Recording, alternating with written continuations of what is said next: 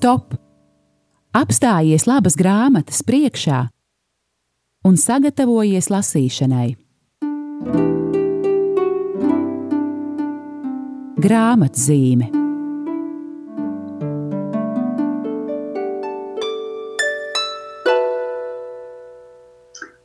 Lai ir slavēts Jēzus Kristus! Esiet sveicināti, mīļie radio Marija Latvija klausītāji! Mans vārds ir Aija Balodi, un man liels prieks jūs šajā trešdienā uzrunāt raidījumā grāmatzīme.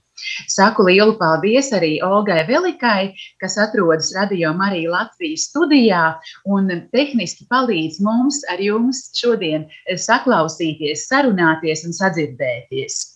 Jā, ik pa, diviem, ik pa divām nedēļām mēs ar jums tiekamies, lai runātu par kādu labu grāmatu un lai es jūs vilinātu kļūt par grāmatu lasītājiem.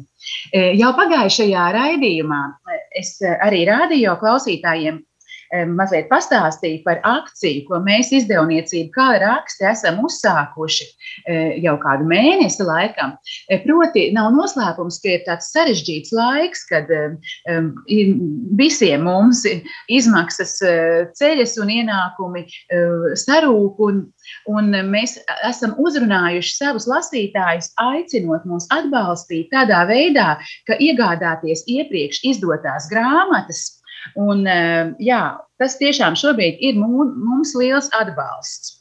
Un, eh, un savukārt arī no otras puses ir mums liels prieks, jo mēs izceļam no saviem izdevniecības grāmatu plauktiem iepriekš izdotas grāmatas, un tā kā paši ar jaunām acīm uz, tām paskatāmies un priecājamies. Un jāsaka tā, es šajā e, raidījumā biju iecerējusi to veidot par tādām ar jēzuītu garīgumu saistītām grāmatām un runāt par trim grāmatām par lēmumu pieņemšanas mākslu, kas ir mūsu izdevniecībā iepriekš izdevusi, iznākusi par jēzuītu ceļvedi gandrīz visā Un par trešo grāmatu, par kuru es tiešām runāšu. Bet liels bija mans pārsteigums, ka izrādījās, ka pirmās divas vairs nemaz nav pieejamas. Līdz ar, līdz ar to es tā kā sašaurināju mūsu šī, šī e, raidījuma tēmu um, tikai līdz vienai grāmatai, bet ko es ar šo ievadu vēlos teikt? Um, arī šī grāmata nav palikusi pārāk daudz, Būtībā tie ir tādi pēdējie eksemplāri, un tiešām no sirds e, iesaku veiklākos un, un attapīgākos no jums meklēt www.mieram tuvēlv sadaļu veikals, paraudzīties uz iepriekš izdotajām grāmatām un tās patiešām tagad iegādāties. Jo turklāt šīs atbalsta akcijas laikā, um, pērkot vienu grāmatu, jūs uh, to saņemsiet veselos divos eksemplāros jau tā retums, un jums būs tie veseli divi, varēsiet uzdāvināt kādam savam lasīt mīlošam draugam, vai atkal, ja tāds draugs jums nav, varat arī atstāt izdevniecības rīcībā, un mēs tad savukārt šīs atstātās grāmatas dāvināsim bibliotēkā. Um, vēl liels paldies visiem, kas jau ir iesaistījušies šajā akcijā. Paldies, ka šis um, dāvinājums bibliotēkā mums ar vienu aug un patiešām esam par to priecīgi un gandarīti, ka mūsu grāmatas ies plašumā un būs cilvēkiem pieejamākas. Lūk, bet nu laikam ir jānoņem noslēpuma plīvurs, kas tad ir grāmata, par kuru šodien runāšu. Un tā ir e, Timoteja Galagēra grāmata Garu izšķiršana, Ignācisks ceļvedis ikdienas dzīvei. E, tā kā mēs esam pieslēgušies arī, arī YouTube, es arī varu parādīt, cik interesants ir. Nu, tāda, man liekas, sirsnīgi šis, šis grāmatas noformējums ar tādu attēlu e, mākoņiem, kas spoguļojas e, ūdenī un tādu laiviņu. Tur arī ir vajadzīga izšķiršana, kuru, kurā virzienā tai doties, lai to īsto ostu atrastu. Uh, jā, um, Kas tad ir šī garu izšķiršana? Ļoti intriģējošs nosaukums, vai ne? Um, es domāju, lai runā autors pats un um, lai viņš to mums skaidrotu, par kādu garu izšķiršanu uh, ir runa, uh, ieklausīsimies tādā lielākā citātā no grāmatas ievada. Un autors sāk atsaucoties uz kādu slavenu romānu, un viņš raksta: Ļeva Tolstoja romānā Anna Kareņina viens no galvenajiem varoņiem Levins ir nu pat dziļa prieka pieredzē sastapis Dievu. Liecība, ko sniedzis kāds taisnīgs, Dievam veltījies vīrs, ir atvērusi Levinām ceļu uz garīgo skaidrību. Asaras izsaka viņa sirds dziļo laimi kungā. Levina ticība ir kļuvusi stipra, un viņa priekšā pavērs jauna, garīga dzīve. Levins cer, ka viņa saņemtās garīgās bagātības nostiprinās un padziļinās viņa attiecības ar ģimeni. Tomēr viņš ar izmisumu atklāja, ka saskarsmē ar mājas ļaudīm viņu turpina mocīt iekšējas cīņas. Beidzot, uz brīdi palicis viens, Levins pārdomā savu pēdējā laika garīgo pieredzi. Viņš priecājās par izdevību palikt vienatnē, lai atjēgtos no īstenības, kas jau bija paguvusi tik ļoti sabojāt viņa noskaņu. Viņš atcerējās, ka ir jau paspējis sadusmoties uz Ivānu, izturēties vēsi pret dālu un viegliprātīgi izrunāt, izrunāties ar katalu asaru. Vai tiešām tā bija tikai acu mirkļa noskaņa, un tā zudīs, neatstājot nekādu pēdu, viņš domāja. Bet tajā pašā mirklī atcerējies savu noskaņojumu ar prieku sajūta, ka viņā norisinājies kaut kas jauns un svarīgs. Īstenība tikai uz laiku bija aizsagusi to dvēseles mieru, ko viņš atradis, kas bija paglabājies viņā neskarts. Un e, grāmatas garu izšķiršana autors Timotejs Galagers turpina. Prieks dievā un tad šī prieka noslēpšana laimes pilns noskaņojums, un tad saskarsme ar cilvēkiem, kas laupa drosmi un liek apšaubīt patiesu garīgo izaugsmu. Bāžas, ka tas, kas šķita esam stipra ticība, varētu būt bijis tikai pārējoša noskaņa, un tad atkal iepriecinājums, garīgais miers, un tad šī miera atumšošanās, līdz beidzot neskarts miers dievā. Ar šo Levina domu un emociju aprakstu Tolstojs ilustrē procesu, kas ir ļoti būtisks jebkurā ticības dzīvē - prieka un baiļu, miera un nemiera, cerību un izmisuma maiņas, ko cilvēka sirds piedzīvo savā ceļā pretī dievam. Šīs maiņas ir svarīgas. Prieks par piedzīvoto dieva tuvumu centieniem mīlēt un kalpot piešķir jaunu enerģiju. Izmisuma un baiļu tumsa atvēsina šos meklējumus un var pat tos pilnībā pārmākt.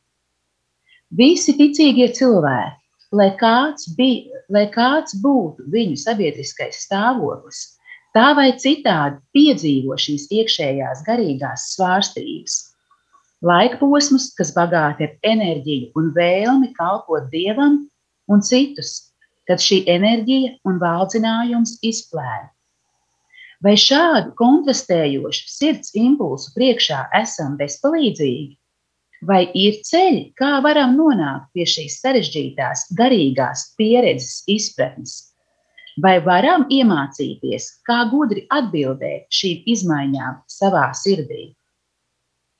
Un grāmatas autors, protams, atbild uz šiem jautājumiem, ka jā, mums ir iespējams gan um, lēnām tos uzlūkojot, lēnām tos pētot, gan labāk atpazīt šos, šos stāvokļus, šīs maiņas, šos procesus, šos impulsus savā sirdī, gan arī saprast, no kuras puses šie impulsi nāk, vai tie nāk no dieva gara, vai arī tie nāk no cita gara. Lūk, um, Ieklausīsimies nelielā mūzikas eh, brīdī, un tad turpināsim runāt par šo ļoti interesanto, ļoti saturīgo grāmatu, garu izšķiršanu.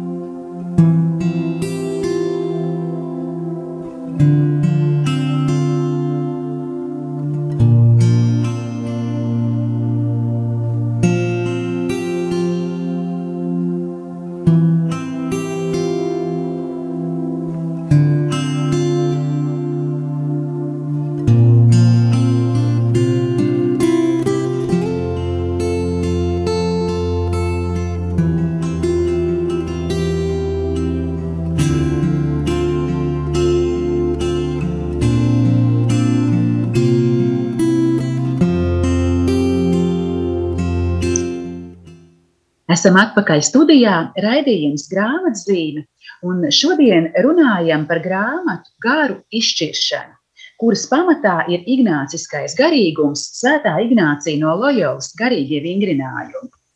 Un eh, pirms eh, mūzi, mūzikas pauzes um, um, mēs lasījām eh, fragment no grāmatas, kuras be, kura beigās grāmatas autors jautāja, vai um, kontrastējošo sirds impulsu priekšā mēs esam bezpalīdzīgi. Vai, mēs, vai ir ceļi, kā varam nonākt pie šīs sarežģītās, garīgās pieredzes izpratnes? Un kā jau varam nojaust, ja autors ir rakstījis šo grāmatu, viņš saka, jā, mums ir ceļi un mums ir veidi, kā mēs varam sava, savā sirdī notiekošo izzināt, eh, saprast, uz to reaģēt Un viņš raksta, e, gadsimtu gaitā svētas personības ir piedāvājušas savu palīdzību ticīgajiem tajā, kā izprast šos sirds impulsus un kā uz tiem reaģēt. Pieminēsim kaut tikai dažas no viņiem - Origēns, Antonijs no Ēģiptes, Augustīns, Jānis Kasijāns, Bernards no Klervo vai Katrīna no Sienas. Starp viņiem tomēr ir viens kurš izceļas ar savu atšķirīgu pieeju. Tas ir Ignācijas no Loyolas.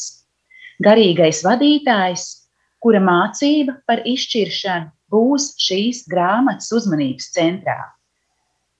Ignācija paša iekšējai dzīvei bija raksturīga bagātīga emocionalitāte un ievērojama garīgā sevis apzināšanās. Atsauces uz šo aso garīgo apzināšanos ir pārpilnībā atrodams visu to cilvēku rakstos, kuri pazina Ignāciju personiski un ir ignāciskās tradīcijas klasiķi. Un tālāk autors runā gan par šīm, šīm liecībām, gan par šiem laika biedriem, uh, bet pēc tam viņš pāriet pie, pie tā, kas tad īsti ir šī izšķiršana, ko lasām grāmatas uh, virsrakstā. Izšķiršana kā to saprotam šeit, nozīmē procesu, kurā viena lieta vai ideja tiek atšķirta no otras. Izšķiršanas nosaukums angļu valodā - discernment cēlies no latīņu valodas vārda discernere - nodalīt, sašķirot lietas pēc to kvalitātes, atšķirt vienu lietu no otras.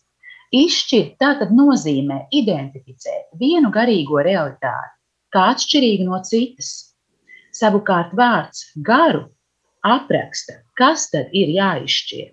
Proti, kādas garīgās realitātes ir jāatšķir citu no citas.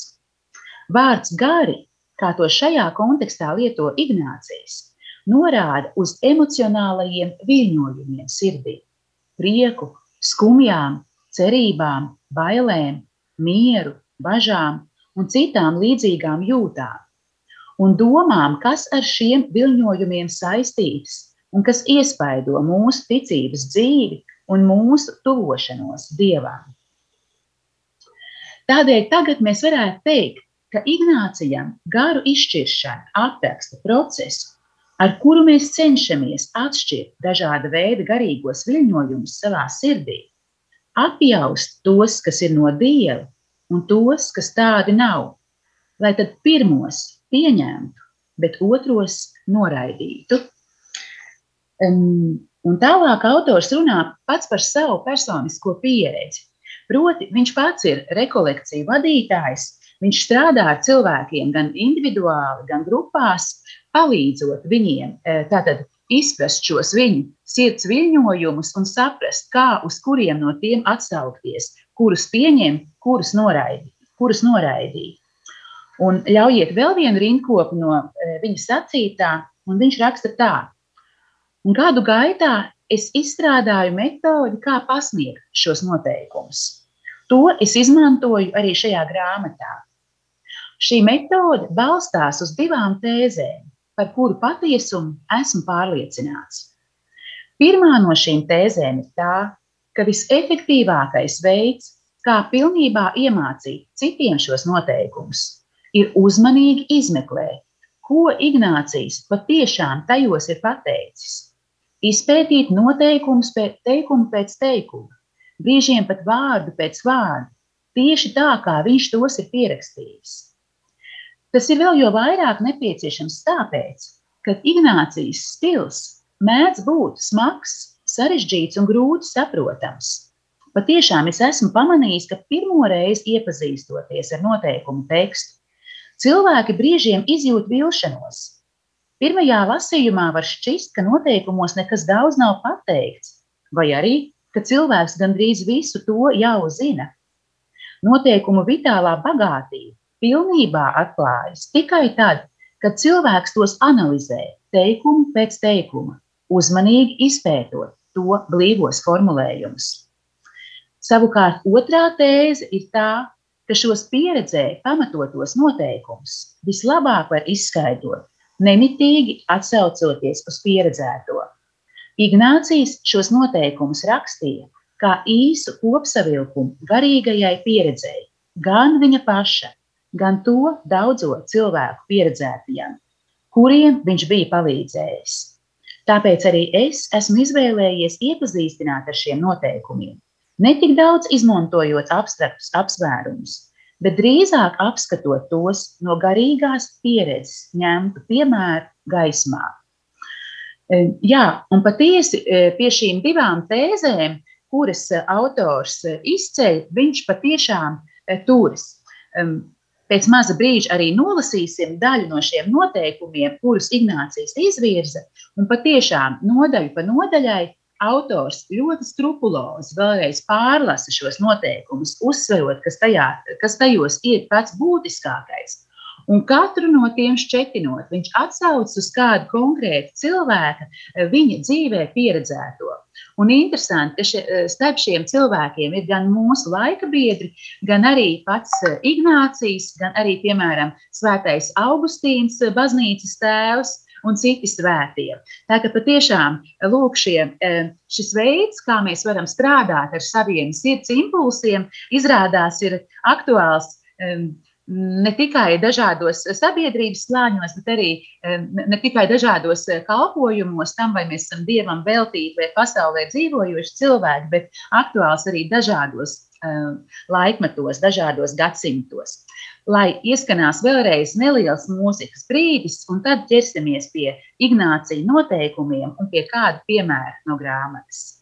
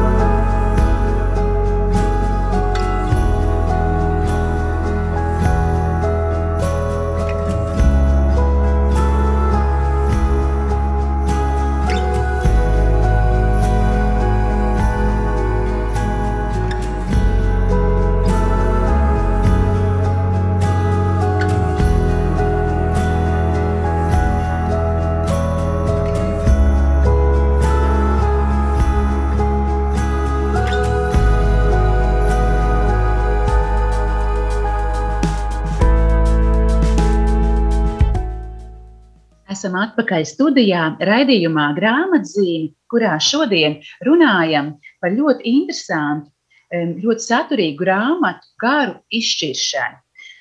Tā ir pamatota Ignācija no Loyolas garīgajos vingrinājumos, vēl vairāk 14 noteikumos, kurus Ignācijas no Loyolas ir noformulējis, kā viņš saka, lai zināmā mērā apzinātos un izprastu dažādas kustības, kas rodas dvēselē, labās, lai tās pieņemtu, un sliktās, lai tās atmestu. Eh, lūk, un kā jau grāmatas autors eh, Timotejs Galagers eh, rakstīja ievadā, ieklausīsimies dažos no šiem noteikumiem un šķiet, tiešām varam dalīt to, ko viņš rakstīja. Ka no vienas puses var šķist, hmm, tas ir pat zināmi, tas ir vienkārši, un no otras puses uzreiz mēs jūtam, ka vienkāršajos teikumos ir paslēpta uh, daudz dziļāka nozīme un jēga nekā pirmajā lasījumā mēs to uztveram. Ieklausīsimies šajos noteikumos. Pirmais noteikums. Cilvēkiem, kas iet no viena nāvīga grēka uz otru, ienaidnieks parasti ir rādis piedāvāt šķietams baudas, liekot iztēloties jutekliskus priekus un labsajūtu lai tādējādi viņus labāk noturētu un liktu tiem pieaugt savos netikumos un grēkos. Labais gars šādos cilvēkos darbojas pretēji. Ar saprāta, dabisko morāles likumu palīdzību tos urdot un modinot sirdsapziņas pārmetumus. Otrais noteikums. Cilvēkiem, kas neatlaidīgi attīrās no saviem grēkiem, un kalpošanā dievam, mūsu kungam, no laba iet uz vēl labāk. Viss notiek pirmajam noteikumam pretēji. Jo ļaunajam garam šajā gadījumā ir raksturīgi mocīt, skumdināt un likt šķēršļus, ar melīgu prātojumu palīdzību radot nemieru, lai neļautu iet uz priekšu. Labajam garam turpretī, turpretī raksturīgi dot drosmi un spēku mierinājumus, asaras, iedvesmu un mieru, atvieglojot un novācot visus šķēršļus, lai cilvēks labos darbos ietu uz priekšu. Trešais noteikums par garīgo mierinājumu. Par mierinājumu es saucu stāvokli, kad dvēselē rodas iekšēja kustība, no kuras tā iedegas mīlestībā pēc savu radītāju un kungu un kad rezultātā dvēseli nevienu radītu lietu uz zemes vairs nespēja mīlēt tās pašas dēļ, bet tikai visu šo lietu radītāju dēļ. Arī kad cilvēks lej asaras, kas rosina mīlēt kungu, vai nu tās izraisa savu grēku nožēla, vai Kristus mūsu kunga ciešanas, vai citi iemesli, kas tieši vērsti uz kalpošanu viņam un viņa slavēšanu. Beidzot, par mierinājumu es saucu ikvienu cerības, ticības un mīlestības pieaugumu, un ikvienu iekšējo prieku, kas sauc un vedina uz debesu lietām un savas dvēseles glābšanu, nesot tai remdinājumu un mieru radītājā un kungā. Ceturtais noteikums par garīgo pamestību.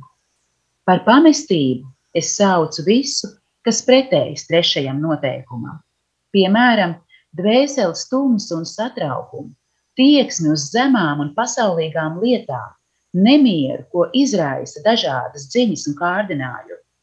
Tas viss ved uz paļāvības trūkumu, bez cerības, bez mīlestības, un dvēsele kļūst pilnīgi slinka, remdena, skumja un it kā šķirta no sava radītāja un kunga. Jo, kā mierinājums ir pamestības pretstats, Tāpat arī domas, kas dzimst no, no mierinājuma, ir pretstats tām domām, kas dzimst no pamestības. Un tā tālāk šo noteikumu kopumā ir 14, un katram no šiem noteikumiem tātad ir veltīta e, viena nodaļa, e, kurā, kā jau mēs to uzsvērām, autors vispirms skrupulozi iziet šim noteikumam cauri, uzsverot, kas tad īsti tajā ir teikts. Un pēc tam, atsaucoties uz kādu konkrētu cilvēku pieredzi, rāda, kā tas izpaužas kāda konkrēta cilvēka dzīvē. Un, proti, tad atkarībā no tā, vai cilvēks pie, piedzīvo garīgo mierinājumu vai garīgo pamestību, pirmkārt, kā viņam to atpazīt, otrkārt, brīdī, kad viņš ir atpazinis to, kā viņam uz, uz saviem viļņojumiem dvēselē reaģēt, tad tur arī tiek sniegta patiešām gluži konkrēti padomi. Jā, lūk, un turklāt, kā jau runājām, šie cilvēki, uz kuru pieredzi grāmata atsaucas, ir ļoti dažādi, un šīs pieredzes ir ļoti interesantas. Jā, lūk, tāds lūk ir šis mūsu e, raidījums, kurā mēs varam ieskicēt nedaudz grāmatas, kas, kuras aicinām jūs lasīt. Nu, šī pavisam noteikti ir tāda, ko var um, tiešām um, izmantot rekolekcijās, var studēt kopā ar kādu. Var arī uh, lasīt, protams, individuāli un augt savā izpratnē par to, kas mūsu dvēselē notiek. Um, katrā ziņā noteikti to iesaku un arī atgādināšu, ko teica grāmatā raidījuma sākumā. Nu, šī ir viena no nedaudzajām ar ignācisko garīgumu saistītajām mūsu izdevniecības grāmatām, kas ir palikušas piedāvājumā. Tā kā steidzieties www.mieram.lv sadaļā veikals, iegādājieties to, un mm, šobrīd notiekošās akcijas laikā jūs saņemsiet pat veselus divas, divus šīs grāmatas eksemplārus.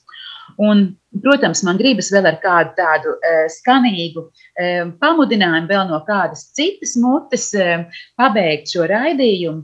Liels prieks, ka grāmatu bija izlasījis arī um, Lutāņu baznīcas arhibīskaps Jānis Vanaks, kurš, kā mēs zinām, ir ļoti liels ignāciskā garīguma cienītājs. Un viņš um, grāmatas um, nu, tādā ievadvārdā, ko mēs arī esam izcēluši, grāmatas vārdi raksta šādi.